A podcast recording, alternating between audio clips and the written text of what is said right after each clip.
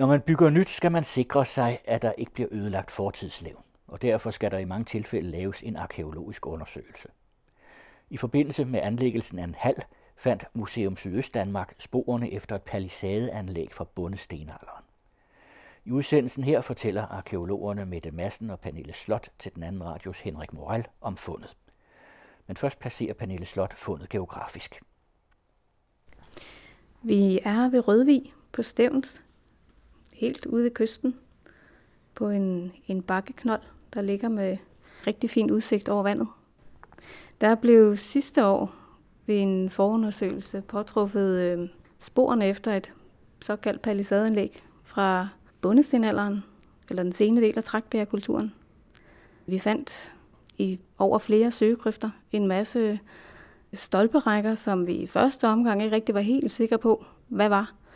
Men øh, når vi ligesom fik et overblik, fik kigget øh, oppefra på kortmateriale og opmålinger, så øh, kunne vi se, at stolperækkerne dannede et øh, ret stort, ovalt, indhegnet areal, indhegnet med op til fem parallelle stolperækker.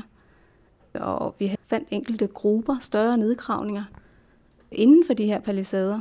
Og dem undersøgte vi i forundersøgelsen og fandt genstandsmateriale, blandt andet keramik og flint, som ledte os hen på sporet af den sene trækbærkultur. Og så var vi sådan set klar over, at vi formentlig stod med et palisadeanlæg. Og hvordan ser man, at det er fra trækbærkulturen? Det er så heldigt, at man i stenalderen går meget op i at ornamentere keramikken blandt andet med øh, ret forskellige former. Der er ret meget mode i det på det tidspunkt, og øh, den mode kan man faktisk gå hen og datere efter. Sådan så når man øh, finder den type keramik, som vi fandt, med sådan nogle grupper indtrykket i den våde ler og efterfølgende brændt, så er det sådan ret tidstypisk for en speciel del af bundestenalderen, eller den sene trækbærkultur. Hvad er karakteristisk ved den? Altså, vi er i bundestenalderen, og det er et landbrugssamfund. Det er på det tidspunkt, hvor øh, man har bygget megalitterne, og i, i palisadernes tid øh, bygger man ikke megalitter mere. Man begraver stadig i dem. Ja, en af de ting, man kan sige, som er meget karakteristisk ved traktbærkulturen, det er, at det er de første bønder i Danmark. Så der sker jo en masse ting kulturelt for at fastholde en ny identitet og for at markere sig. Deraf blandt andet de her megalitter, som Pernille lige nævnte. Og man kan sige, at de her palisadeanlæg egentlig også har en forgænger, som hedder saubanlæg. Der er også et palisadeforløb, men det er også noget med grøfter og nedgravninger og Øh, gennedgravninger, og der sker en masse ting, som man egentlig først nu er ved at, at hitte ud af. Og det ligger lidt før palisaderne. Så der er ikke nogen tvivl om, at palisaderne ligger jo i slutningen af trækbærkulturen omkring 3000 før tidsregning. Der begynder de at, at, at komme frem. Og så slutter trækbærkulturen omkring 2800 før tidsregning. Og så starter mellemneolitisk enkeltgravskultur. Men der er et overlap i de her palisader. Der er en kontinuitet, kan man sige, fra trækbærkulturen og ind i enkeltgravskultur i palisaderne. Så vi har øh, lige præcis den her ved Rødvig. Den er formentlig, hvis man kigger på fundene, slutningen af trækbærkultur. Vi har andre fund, andre palisader i vores ansvarsområde, som ligger lidt senere, og som måske svarer mere i tid til det, man har i Skåne. Det er et meget østligt fænomen, de her palisader, indtil videre i hvert fald. De kan godt være svære at kende, som Pernille nævnte tidligere. Sådan et palisadendæk, kan man se det på andre måder, end ved tilfældigvis at grave? I har skulle grave det ud, fordi der er nogen, der skulle bygge på området. Men ville I ellers have kunne se anlægget? Formentlig ikke. Det er jo et stort anlæg, og nogle steder i Danmark kan man være heldig at, at se bygningsværker simpelthen i øh, forskellige farver i afgrøderne på visse tidspunkter af året. Der vil man måske kunne øh, lokalisere et sådan anlæg. Det virker vist bedst på sandet jord.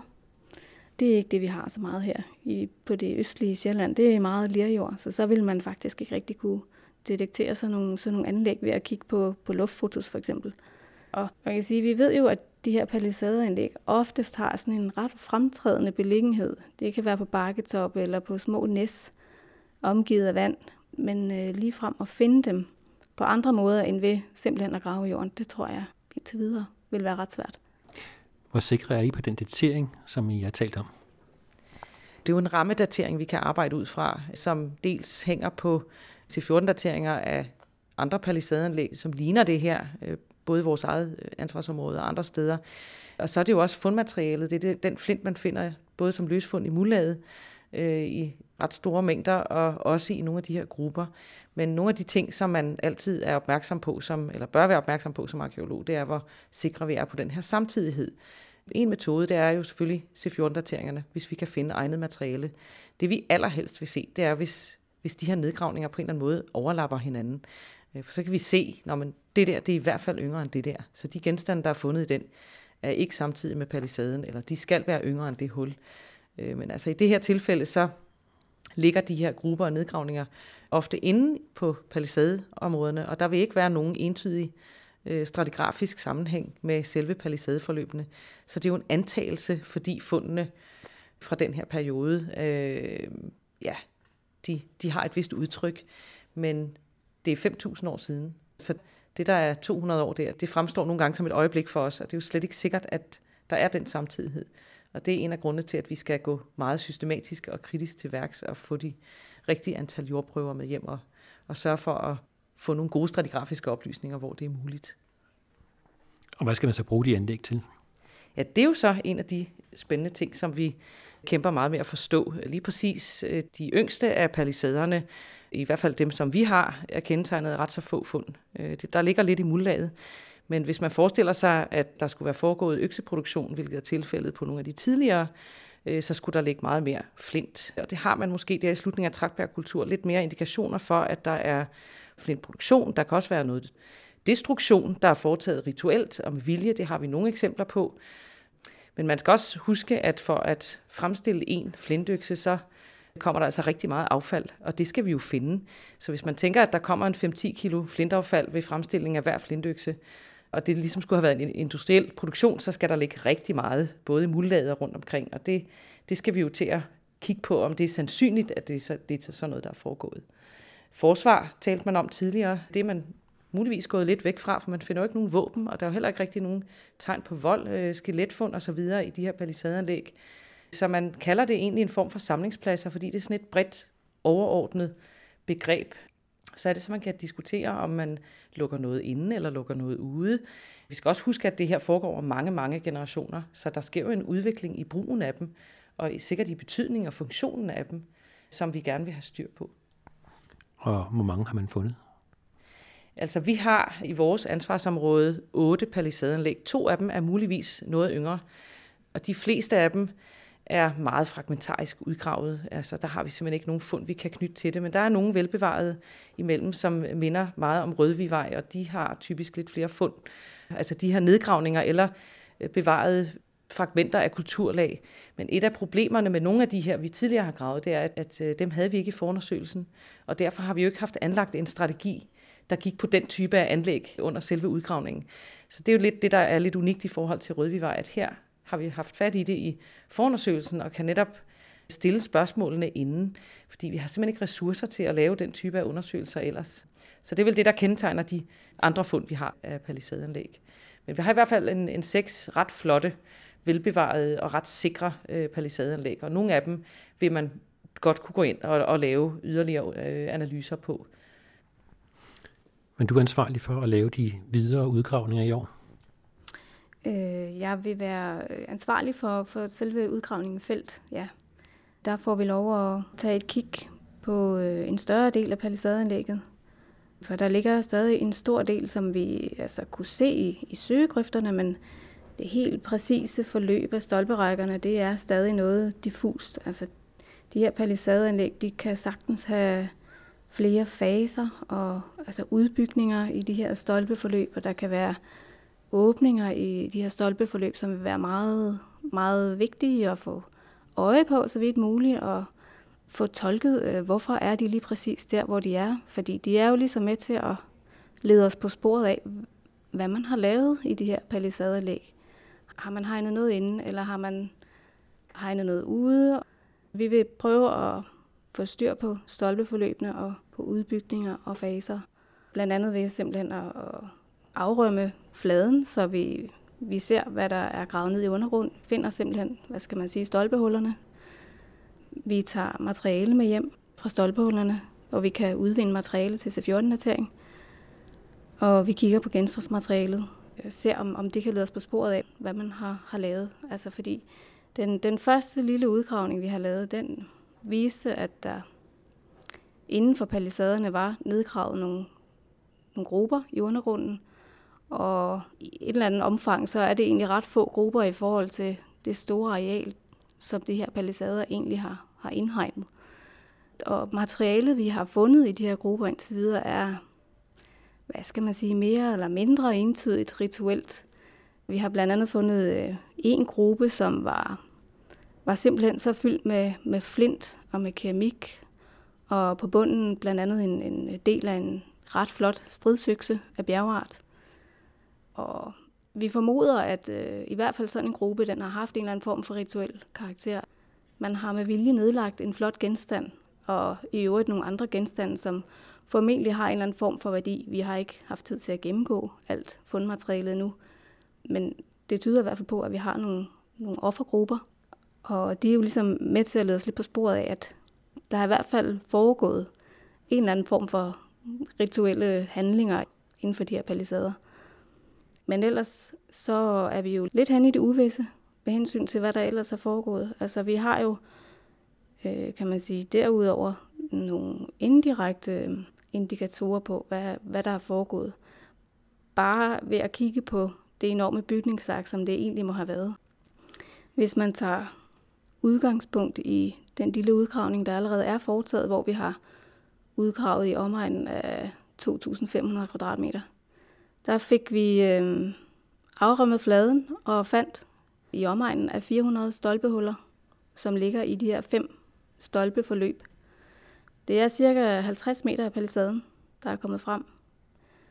Og hvis man ligesom kigger på, hvad vi ellers fandt i forundersøgelsen, hvis man prøver at følge forløbet af palisaderækkerne igennem søgrøfterne, så har vi i hvert fald 300 meter palisade med fem rækker stolper i. Og hvis man så begynder at regne på det, hvor mange stolper, der er gået til, øh, og hvor meget arbejde, der er gået til, så bliver det jo en, en betydelig ressourcekrævende handling at bygge sådan et stort anlæg. Altså, man har også formentlig skulle rydde arealet, inden man har kunne bruge det. Så er det en der kan man sige, jamen, der har foregået et eller andet vigtigt i forbindelse med de her palisader. Hvordan ser sådan et stolpehul ud, når man ser det i felten? Hvis man skal lave lidt sjov med det, så plejer vi jo at sige, at det er 50 Shades of Brown, fordi øh, når vi rømmer muljorden af, så har vi en, en eller anden form for gulbrun, rødbrun undergrund, som altså en flade, vi kigger på. Og for at finde et stolpehul, så skal man ligesom forestille sig, at det her stolpehul oprindeligt har været gravet ned i undergrunden. Så er der sat en stolpe ned, og den er blevet pakket med, med jord omkring. Og måske er stolpen på et tidspunkt taget op igen, og så er der faldet kulturjord ned. Og muljorden, som du selv kender hjemme fra haven, det er sådan en brun, mørkebrun en nogle gange. Og, og når den så ligesom falder ned i den lysere undergrund, så får man så nogle mørkere pletter i undergrunden. Og det er egentlig det, vi kigger efter. Og dem udgraver vi så, når vi finder dem. Altså vi laver et lodret snit ned igennem, graver halvdelen væk. Og så kan man se sådan en, altså nogle gange ret, ret tydeligt aftryk af en stolpe, og den snitkasse, man har lavet for ligesom at, at grave stolpen ned. Du har omtalt søgegrøfter. Kunne du prøve at forklare, hvordan man bruger dem i praksis? Ja, altså som regel, når vi starter en forundersøgelse, så starter vi simpelthen med en, en gravemaskine øh, med en to meter bred skovl. Og så får vi gravet ned. Vi graver muldlaget væk til, øh, til undergrundsniveau, som vi kalder det. Den, den som regel lidt lyse undergrund. Så trækker vi simpelthen de her grøfter med som regel omkring 15 meters mellemrum. For så har vi sådan en, en idé om, eller så vi afdækket en vis procentdel af fladen i forhold til at sige, om, om der er noget, og der er noget. Og alt efter, hvad vi så synes, vi ser i de her søgegrøfter, så vælger vi nogle steder at, at gå hen og, og tage lidt mere af i forundersøgelserne. Fordi det er også sådan, at hvis vi finder noget, og vi tænker, at det her, det er vi nødt til at udgrave, så vil vi også gerne vide, jamen, hvad, hvad tror vi så, det er, vi skal udgrave? For det, det er ret væsentligt i forhold til at, og gå videre med en undersøgelse, altså en udvidet undersøgelse, en udgravning af et eller andet. Hvad er det, vi har med at gøre? Hvilken periode er det? Er det huse? Er det palisader? Eller noget helt andet? Men der kunne også ligge noget længere nede, end hvad man lige får gravet væk med gravemaskinen i første omgang? Det kan der selvfølgelig. Det er ikke altid, det er så simpelt, at man bare lige åbner op, og så har vi 30 cm muldlag, og så kommer undergrunden. Det kan til tider være mere kompliceret kulturlag, og, og der må man jo ligesom vurdere, om, om man skal grave dybere, eller... Og det er jo selvfølgelig også sådan, at, at når vi ligesom har afdækket nogle, nogle anlæg i undergrundsniveau, så går vi efterfølgende hen i forundersøgelsen også simpelthen og åbner dem med en, en spade, kigger ned i dem og får at kigge, hvor, hvor dybe er de her anlæg, hvor dybt har man gravet ned i forhistorien i et eller andet givet anlæg, og, og hvad er der i anlægget, og prøver selvfølgelig at tolke det for at, at finde ud af, hvordan skal vi gå videre med det her. Når I nu skal til at lave sådan en udgravning, hvad er det så for en planlægning, I laver? Indtil videre, så har vi jo planlagt ud fra søgegrøfterne, den forundersøgelse, der er lavet, der er vi nødt til at tage udgangspunkt i, i hvad vi ligesom har fundet der, for at, at få en idé om, hvor skal vi sætte angrebet ind hen, når vi skal derud igen. Indtil videre, så vil vi forsøge at finde øhm, den sydlige halvdel af palisadeforløbene i felt. Og øh, der har vi en idé om, hvor de ligger hen ud fra søgrøfterne, og det er, det er selvfølgelig der, vi sætter ind. Og øh, så håber vi på, når vi er derude undervejs, øh, skyder os ind på, på afgrænsning af de her palisadeforløb, hvad de så måtte indeholde af udbygninger og, og så videre. Det vil være det, vi ligesom sætter ind med. Simpelthen at afdække dem med en. Og derefter så skal vi øh, snit et væsentligt udvalg af de her stolpehuller. Det vil sige, at vi skal i med spaden øh, og en gravske og, øh, og grave i dem, simpelthen for at finde ud af, hvor dybt har de været gravet ned, og alle de her meget detaljerede undersøgelser af selve anlæggene. Og så skal vi have, have jordprøver med hjem af et øh, statistisk øh, nødvendigt materiale, simpelthen til at få lavet de her C14-dateringer, som, som Mette taler om. Men øh, den sådan helt specifikke planlægning har vi ikke sådan helt på plads i detaljer. Det er noget, vi skal til at kigge på nu. Sidder I så laver en statistisk beregning for, hvad I skal have af prøver med hjem? Det har vi jo nogen på museet, der er rigtig gode til at hjælpe med. Nogle, der er rigtig meget inde i C14-dateringer, så dem øh, læner vi os op af. Når vi gerne vil vide, hvor meget skal vi have med hjem for at få dateringer af, af det her anlæg, så vi kan gå videre med det og se på, jamen, altså, har der været flere faser og så videre. Men altså, rent konkret, så ved vi jo ikke rigtigt, før vi har været derude og har styr på forløbene, hvor meget der egentlig er nødvendigt. Det er indtil videre et overslag ud fra, fra forundersøgelsen. Det er nogle ret store anlæg, men det er altså ikke, fordi man finder så meget med bebyggelse for den periode. Nej, det er lige præcis et af de store problemer, man har, især med traktbærkulturen, at øh, vi har svært ved at finde husene. Vi finder nogle kulturlag, vi har megalitterne, det er så fra den, øh, hvad skal man sige, fra den foregående periode, og når vi så når op i seneolitikum, altså længe efter, om, lige før bronzealderen, der begynder vi så at få de her flotte, flotte langhuse, som er nemmere at erkende. Men vi, har, vi finder ikke husene. Og det har selvfølgelig formentlig noget med, med måden, man byggede på at gøre. Altså hvis man ikke graver en stolpe ned i undergrunden, så finder vi jo ikke aftrykken af det. Øh, og hvis folk ikke har opholdt sig så længe på et areal, så ophober der sig måske heller ikke så meget kulturlag. Det kan også godt have meget at gøre med vores måde at dyrke jorden på, fordi ploven når jo de der cirka 30 cm ned.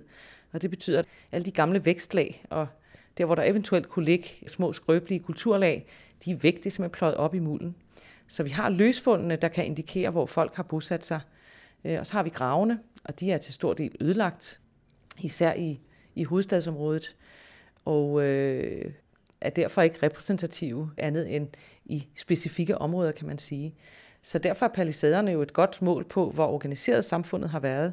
At man simpelthen har været i stand til at samle nok mennesker til at fælde langt over 2.000 træer, måske til sådan et kæmpe anlæg, som visse af de her palisader har jo været meget store. Altså op til, til fire fodboldbaner er jo en almindelig palisade. De findes også i væsentligt større størrelser.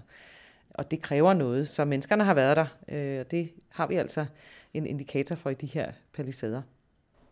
At lave sådan et anlæg, det er vel ikke noget, de har fundet på selv. Der må være noget inspiration fra andre steder fra os.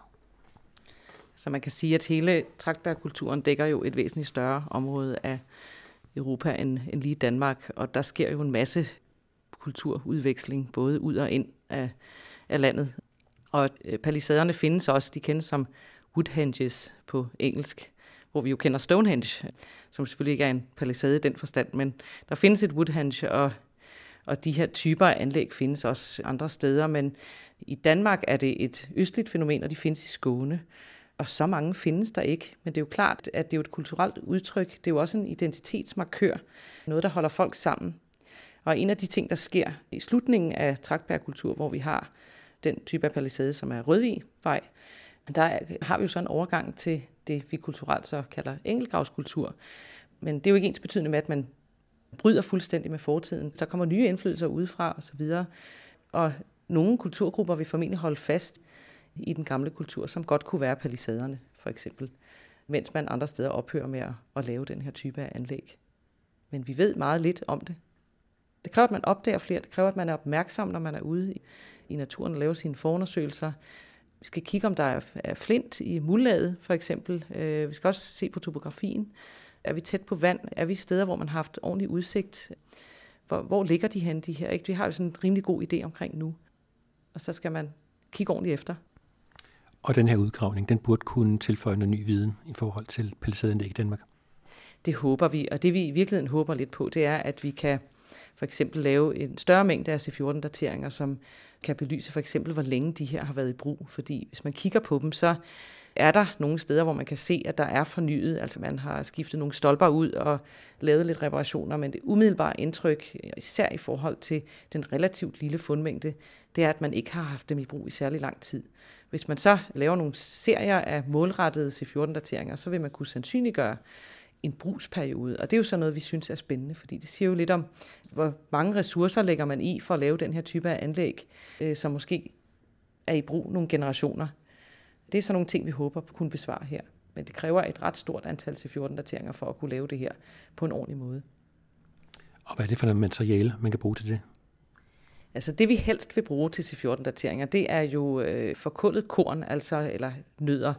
Øh, materiale med en kort egenalder, fordi øh, i gamle dage for eksempel, der brugte man jo meget trækul, det kan vi stadigvæk bruge, men der sker det med trækul. Øh, hvis det for eksempel er forkullet trækul fra de her stolper, der er blevet anvendt til at konstruere palisaden, så kan der være en egenalder. Det er jo nogle relativt store stolper, og de kan jo have nogle hundrede år på nakken. Det kan også godt være, at de er tildannet, så man har kernen af stolpen. Øh, så kan de være endnu ældre, og det betyder, at vi får en forskydning. Vi får simpelthen for bred en datering på det her anlæg. Når vi graver de her anlæg og laver en profil, så er det jo vigtigt at være opmærksom på, hvilket lag man tager materialet fra. Fordi man graver et hul for at sætte en stolpe ned. Og det materiale, der ryger ned omkring stolpen, det er jo fra før palisadens anlægstid og kan ligge længe før. Så det vi vil have, det er det materiale, der ryger ned i hullet, når man hiver stolpen op. Og det er faktisk endnu en af de interessante ting, det er, at man bevidst har trukket de her stolper op. Og omkring dem, så ligger der jo i hvert fald med en større sandsynlighed materiale, som har ophobet sig i palisadens brugstid, og dermed også repræsenterer brugstiden. Og det er det, vi gerne vil have fat i. Især, som sagt, korn, som jo kun har en sæson på bagen. Der vil man kunne få en mere præcis datering. I hørte en udsendelse i serien Museer skaber viden, og den var tilrettelagt af Henrik Moral. I den næste udsendelse her på den anden radio kommer vi med på den udgravning, som der blev talt om i udsendelsen.